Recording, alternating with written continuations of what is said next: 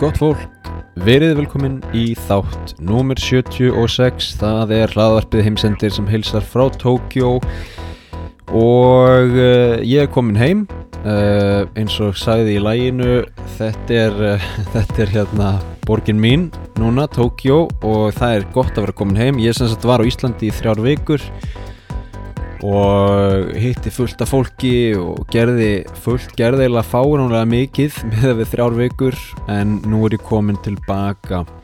Komin í vorið. Það er, e, það eru 20 gráður úti núna. Þetta er samt svolítið skrítið vor. Það er mjög hlýtt úti. E, ég veit ekki hvort það sé bara eitthvað jetlag eða hvort ég sé kannski með COVID en það er ykkur hrollur í mér sko það er líka kannski bara því að húsin hérna eru ekki jafn vel einangruð eins og ég hef nú talað oft um áður. Pluss það að við erum hérna í 25 fermetrum og sko við alltaf við eigum ekki hérna, bara aðeins til að lýsa þessu við eigum ekki sko sofa og við eigum eiginlega heldur ekki rúm en við eigum svona sofa rúm uh, það er þess að við notum tvær dínur sem sofa á daginn svo setjum við þær hlið við hlið á gólfið á kvöldin og sofum þar. Ég er með hausin alveg við útidyrnar eða svalardyrnar.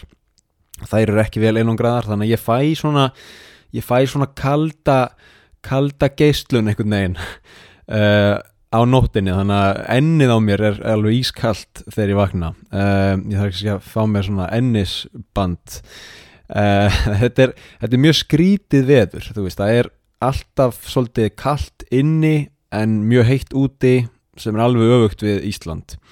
Allavega, í þessum þætti þá langar mig að fjalla um þetta er sko lífið í Tókjó þáttur og uh, mér langar aðeins að fjalla um það sem ég var byrjar að tala um fyrir tveimur veikum í þættinum lífið á Íslandi. Þá myndist ég á sértrúarsöfnuði Uh, mér langar að fjalla um einn ákveðin sem heitir Happy Science gleðileg uh, vísindi á íslensku. Þetta er líklega einn stærsti trúarhópurinn í Japan uh, og við ætlum svona að skoða hann svolítið og sjá hvort við getum ekki svarað spurningunni er Happy Science sértrúarsöfnuður eða er þetta bara hvert annað trúfélag?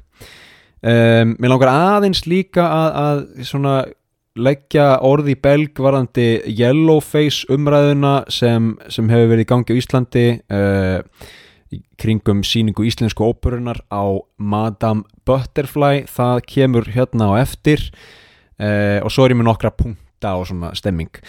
Þannig að ég hugsa við bara dembum okkur beint í Happy Science, gjör þið svo vel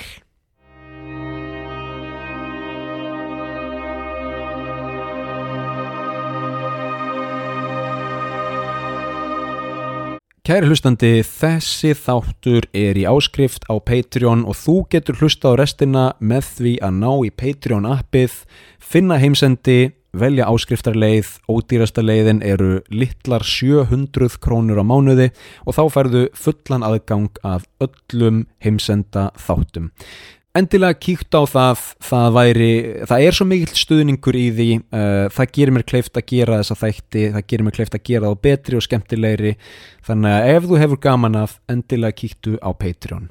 Sjáumst þar og takk fyrir að hlusta